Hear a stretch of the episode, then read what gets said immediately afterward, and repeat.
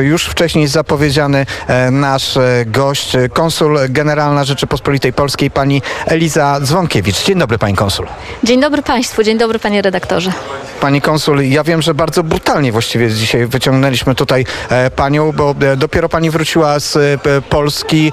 Nie ma czasu na to, żeby normalnie odpocząć, nie ma czasu, żeby normalnie pospać. Zazwyczaj w Lwowie alarmy w nocy, ale dzisiejsza noc była spokojna, ale krótka, bo wczoraj pani wróciła z Warszawy. Tak, wróciłam późno w nocy, ale to nic nadzwyczajnego. Przeważnie tak wygląda nasza praca. Natomiast poprzedniej nocy były alarmy w Lwowie również, a ja nie wyłączam aplikacji nawet jak jestem e, w Polsce i ta po- poprzednia noc była niespokojna, więc się nie wyspałam. No, ale nie, nie koncentrujmy się tutaj na moim komforcie, tylko e, no, ma Pan rację, że te alarmy, one są bardzo nieprzyjemne. A jak jest taki alarm, pani konsul się chowa, czy e, już ignoruje pani te alarmy? To zależy. Dyplomatyczna odpowiedź. E, Zaczynam wyczuwać, co chciałaby pani odpowiedzieć, a co usłyszymy. Na pewno e, wtedy, kiedy jesteśmy w konsulacie, przestrzegamy wszystkich procedur e, bezwzględnie i schodzimy do schronu. Natomiast w nocy w domu, no, czasami bywa tak, że człowiek już nie znajduje w sobie siły, żeby gdzieś tam się przedostać, ale to nie jest na pewno rozsądne. E, Odczuliśmy to też e, przy poprzednich e, przyjazdach i mamy świadomość i opowieści Artura Żaka, który cały czas jest przy mnie, siedzi teraz po mojej lewej stronie. O, Za każdym razem, gdy te rakiety spadają gdzieś w pobliżu m, Lwowa, uświadamiają, że niebezpieczeństwo nie omija m, zachodniej Ukrainy. Pani konsul, opowiadaliśmy, zaczęliśmy tę naszą opowieść od tej intensywnej pracy. Tak pani powiedziała, że cały czas wygląda praca m, polskiego konsula. Konsulat w Lwowie jest tym konsulatem, który cały czas e, e, od 24 lutego. Nawet na chwilę nie, przerwaliście swojej pracy. Pani konsul nie wyjechała e, z Ukrainy. Tutaj pani e, prowadziła swoje działania. Na początku to była przede wszystkim ewakuacja, też ewakuacja naszych rodaków.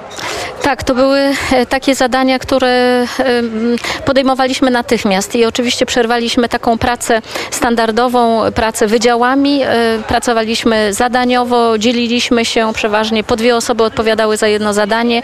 Niektóre osoby się wyspecjalizowały, no choćby w, w organizacji ewakuacji. Ta ewakuacja też była bardzo różna, bo na początku pomagaliśmy głównie naszym obywatelom i posiadaczom karty Polaka oraz tak już, e, jak wielokrotnie mówiłam, e, przedstawicielom innych misji dyplomatycznych e, i innym osobom, które bardzo ściśle współpracowały dotychczas z nami, z Polską.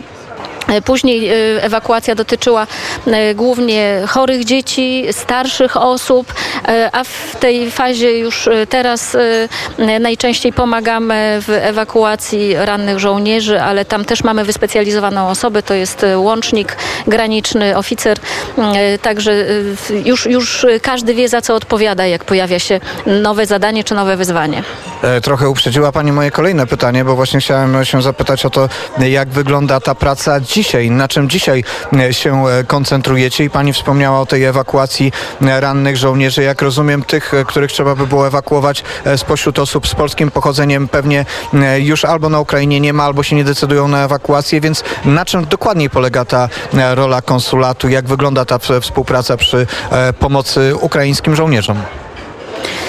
E, Pomagamy przede wszystkim w ten sposób, że łączymy i przekazujemy wiedzę, no a także, e, tak jak tutaj przed chwilą wspomniałam, pomagamy przekraczać granice, dlatego że te transporty są mm, e, obciążone dużym ryzykiem również dla zdrowia tych osób, także mm, staramy się, żeby ten przejazd przez granicę był płynny.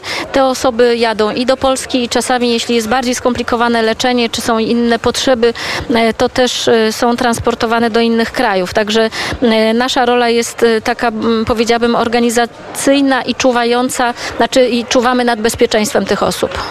Olbrzymia część ruchu, e, który się teraz odbywa w stronę Ukrainy, to ruch naszych dyplomatów, osób dyplomatów, przedstawicieli e, polskich władz. Te osoby teraz e, często przyjeżdżają, bo relacje polsko-ukraińskie są bardzo intensywne i tutaj te przyjazdy też odbywają się przecież przez Lwów. Tak, no Lwów jest tym miejscem takim, tak jak kiedyś był głównym szlakiem handlowym i tutaj się spotykali przedstawiciele różnych e, e, krajów, państw, narodowości, tak e, dzisiaj e, Lwów jest tym miejscem, z którego można mm, pojechać dalej e, na Ukrainę albo tutaj się zatrzymać. Najważniejsze jest to, że państwo ukraińskie e, pracuje i to jest na pewno w niesmak e, okupantom e, i Rosji, ale te częste kontakty polityczne, e, społeczne, wszystkie inne pokazują, że Ukraina jako państwo e, cały czas e, bardzo dobrze sobie radzi, ma wielu sprzymierzeńców, przyjaciół i stąd tak liczne te, te przyjazdy tutaj. Choćby w środę będą tutaj ministrowie kultury i, i my również będziemy zaangażowani w organizację tej wizyty. Te przyjazdy oznaczają też przekazywanie e, konkretnej pomocy, po, pomoc e, o różnym charakterze i o charakterze e, humanitarnym, o charakterze e, też wojskowym, zadania konsulatu, te ostatnie akcje, które realizowaliście. Co przyjeżdża na Ukrainę z Polski? No oczywiście, tak jak też już wspominałam, to wszystko się zmienia, bo w pierwszych dniach, kiedy jeszcze wszyscy działaliśmy pod wpływem adrenaliny i nie było ustalonych e, procedur, to potrzebne było wszystko. Była potrzebna mąka, było potrzebne paliwo i w zasadzie wtedy mieliśmy takie poczucie, że nie ma takiej rzeczy, której nie udałoby się w ciągu 24 godzin zorganizować. To, to była kwestia właśnie udrażniania kontaktów, wykonywania telefonów i to wszystko działało. Teraz cały czas jest bardzo potrzebna e, pomoc, e, cały czas jest potrzebna żywność dla tych osób, które są wewnętrznie przesiedlone tutaj na Ukrainie. E, My e, już od dłuższego czasu staramy się nie być tylko w Lwowie, tylko wyjeżdżamy e, głównie do tych województw, które są w naszym okręgu konsularnym. To jest e, Iwano-Frankivskie, dawne Stanisławowskie, to jest Zakarpackie województwo, ale będziemy też jeździć w, inne miejsca. Ja, ja mm, będę miała uprawnienie do tego, żeby się poruszać po całej Ukrainie. W zasadzie już mam, także planuję takie wyjazdy i e, tam e, wciąż jest potrzebna dla tych osób przesiedlonych e, żywność, więc e, te- tego e, e, no, no, jakby coraz trudniej jest ją zorganizować, bo wszystkie rezerwy już się wyczerpały, więc to są rzeczy, które trzeba pozyskiwać i trzeba ogromny wysiłek w to wkładać. I oczywiście potrzebne e, są e, te, te rzeczy dla wojska, które e, bronią e, indywidualne osoby ju- i e, potrzebne są na zmianę różne, bo oczywiście mm, każdy żołnierz dostaje ekwipunek, ale to, to nie wystarcza. To trzeba go wspierać dodatkowymi e, czy apteczkami, czy obuwiem, czy no, no, rozmaitymi rzeczami. No i oczywiście mm, cały czas jest bardzo potrzebny sprzęt e, do walki, ale my się tym już nie zajmujemy.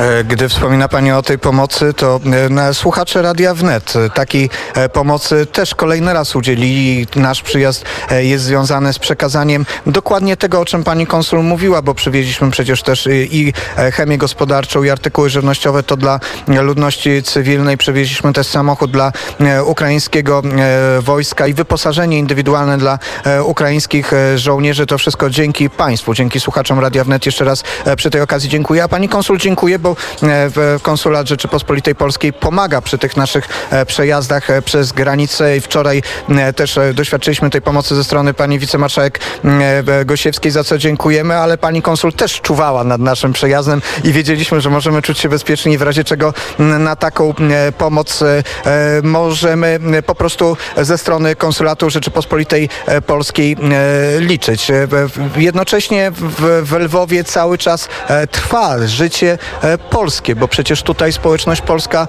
Lwowa jest e, duża i nie, nie mam na myśli akurat rozmiarów e, Artura Żaka, który siedzi e, obok mnie, ale który jest przecież reprezentantem e, społeczności e, polskiej też e, w Lwowie. Jak wygląda to życie e, Polaków dzisiaj na Ukrainie? E, Jak już słyszymy, nie tylko w Pani okręgu konsularnym, ale wszędzie tam, gdzie Pani może dotrzeć. No dzisiaj mamy dwa wyzwania. Jedno wyzwanie to jest, e, są wakacje. E, Rodzice pracują, e, dzieci pozostają e, same e, w domach i bardzo ważne jest, żeby zorganizować wypoczynek. E, Mnóstwo, i to jest też dosyć naturalne, dzieci jest gdzieś skoncentrowanych wokół polskich parafii, wokół kościoła katolickiego. One przeważnie miały zorganizowane czy to wakacje z Bogiem, czy jakiś, jakąś inną formę wypoczynku. Dzisiaj jest tak, że księża, którzy często bywali opiekunami dla tych grup, nie mogą zabrać młodzieży do Polski i w związku z tym trzeba się skoncentrować albo na organizację wypoczynku tutaj na Ukrainie, ale oczywiście jest to obarczone jakimś ryzykiem albo organizować e, wypoczynek w Polsce, no ale e, zabezpieczyć tę kadrę do opieki już e, w jakiś inny sposób.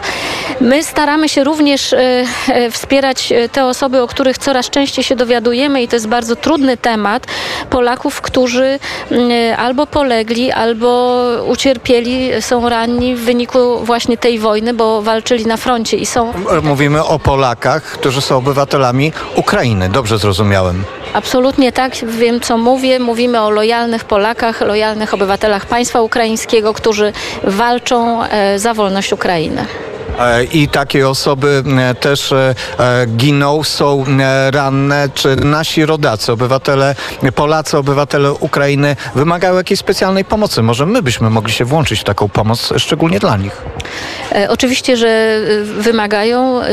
Ci, którzy są ranni, wymagają specjalistycznej pomocy lekarskiej, natomiast ich rodziny, ich dzieci no, pozostają bardzo często bez środków do życia.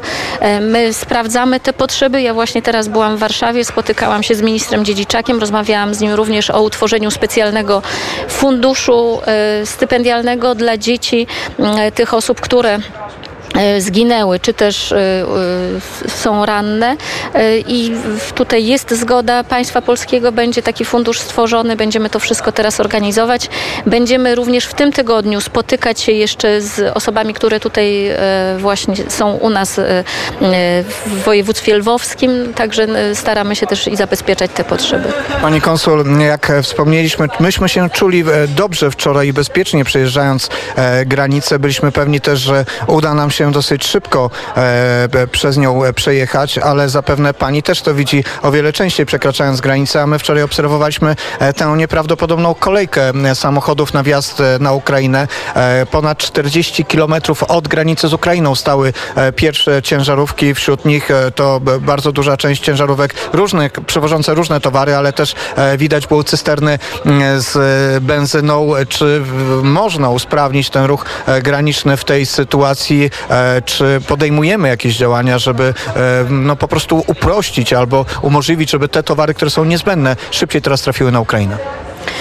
E, oczywiście e, i rząd polski, i państwo polskie robi wszystko, żeby tych możliwości przejazdów e, było więcej. Zostało rozbudowane przejście graniczne Korczowa-Krakowiec. Podobne prace trwają i w Dorochusku, i w innych miejscach. Ta przepustowość się zwiększa, ale trzeba mieć świadomość, że kraj ogarnięty wojną ma takie potrzeby, że jakby nie ma takiej możliwości, żeby ten ruch odbywał się płynnie, ponieważ bardzo dużo produktów tutaj brakuje. Z drugiej strony nie ma możliwości transportu e, e, morskiego i w związku z tym te produkty, które były transportowane właśnie wielkimi statkami, one muszą być przewożone właśnie przez e, granice, które do tej pory e, miały obliczone, obliczoną przepustowość zupełnie inaczej. Nad tym wszystkim pracujemy. Te możliwości się zwiększają, ale to nie znaczy, że kolejki maleją, dlatego że potrzeby też rosną. E, tak wczoraj się zastanawialiśmy, że te tysiące e, ciężarówek stojących na granicy to jest też tysiące ciężarówek, które nie mogą jeździć na Ukrainie, nie mogą przewozić tych e, towarów, czyli ten problem właściwie jeszcze bardziej się zwielokrotnia, utrudnia realizację, działanie tych łańcuchów logistycznych, które zapewniają zabezpieczenie w różnego rodzaju produkty, towary też wewnątrz Ukrainy. I w pewnym sensie, chociaż to nie jest taki sygnał, gdzie spadają bomby, ale ta kolejka na granicy to pierwsze, to pierwszy wyraźny e, symbol tej e, wojny, który może zobaczyć też każdy Polak e, mieszkający w kraju. Artur Żak, Polak mieszkający w Lwowie, chce się zapytać pani konsul o? Pani konsul, praca konsulatu, zadania konsulatu to na, na, na pierwszy rzut to jest stricte zadania dyplomatyczne. Druga część, tak jak pani konsul powiedziała, musiała się dostosować do sytuacji wojennej, czyli taka praca operacyjna, czyli pomoc humanitarna, udrążnienie, wypracowanie nowych mechanizmów, e, ale zadania konsulatu to też zadania takie bardziej trywialne, czyli praca wydziałów konsularnych. Tutaj w kwestii wiz chciałem się zapytać. Wiem, że konsulat e, lwowski przejął obowiązki wszystkich innych konsulatów na terenie Ukrainy. W jaki sposób sobie radzicie z tym no, podejrzewam, bardzo dużym e, nakładem pracy, która, która no de facto spadła na, na, na pani placówkę. Rzeczywiście każdego dnia osób zainteresowanych wizami przybywa i to jest ogromne wyzwanie dla nas organizacyjne i tak jak pan powiedział, przejęliśmy te zadania ze wszystkich innych placówek, które do tej pory funkcjonowały. Było ich e, pięć lokalizacji w Ukrainie, teraz jest jedna. Będą odtworzone, będzie odtworzony konsulat w Łódzku, ale, ale mm, to też e, mm, on nie będzie mógł e, przejąć tego ciężaru głównie wizowego. No, problem polega na tym, że była e, utworzona specjalna ustawa, która e, pozwalała osobom, które uciekały przed wojną, pozostawać w Polsce przez 18 miesięcy, ale z kolei jeśli te osoby już wracają na Ukrainę, to ta ustawa jakby e, przepisy tej ustawy przestają działać, dlatego że e, wówczas wchodzi ustawa o ruchu w strefie Schengen, no i ten ruch zakłada, że można przebywać w strefie na podstawie paszportu biometrycznego 90 dni na 180. Jeżeli ktoś już wykorzystał te dni, no to wówczas, żeby wjechać ponownie do strefy Schengen, potrzebuje wizy. No i takich osób jest bardzo dużo i e, oczywiście w Polsce bardzo intensywnie myślimy o tym, jak zmienić tę sytuację, ale to e, są takie przepisy, których nie zmienia tylko nasze państwo, tylko musimy mieć zgody, musimy mieć e, tutaj konsensus i uzgodnienia na poziomie e, europejskim. Także to, to jest e, duże wyzwanie. Trzeba też mieć świadomość taką, że przestały działać na Ukrainie centra wizowe, które e, w połowie odciążały konsulaty, czyli weryfikowały dokumenty, przyjmowały dokumenty. Oczywiście decyzje wizowe były już po stronie konsulów, ale cały proces przygotowania wniosku wizowego był w centrach wizowych i tej pomocy też nie mamy. Stąd oczywiście kolejki są, ale pracujemy maksimum e, tego, co, co można zrobić w tych okolicznościach. I to powiedziała pani e, konsul generalna Rzeczypospolitej Polskiej w Lwowie Liza Dzwonkiewicz, e, konsul z najbardziej no, obładowanego, nieładnie mówiąc, pracą konsulatu Rzeczypospolitej. Bardzo serdecznie dziękujemy. Bardzo dziękuję.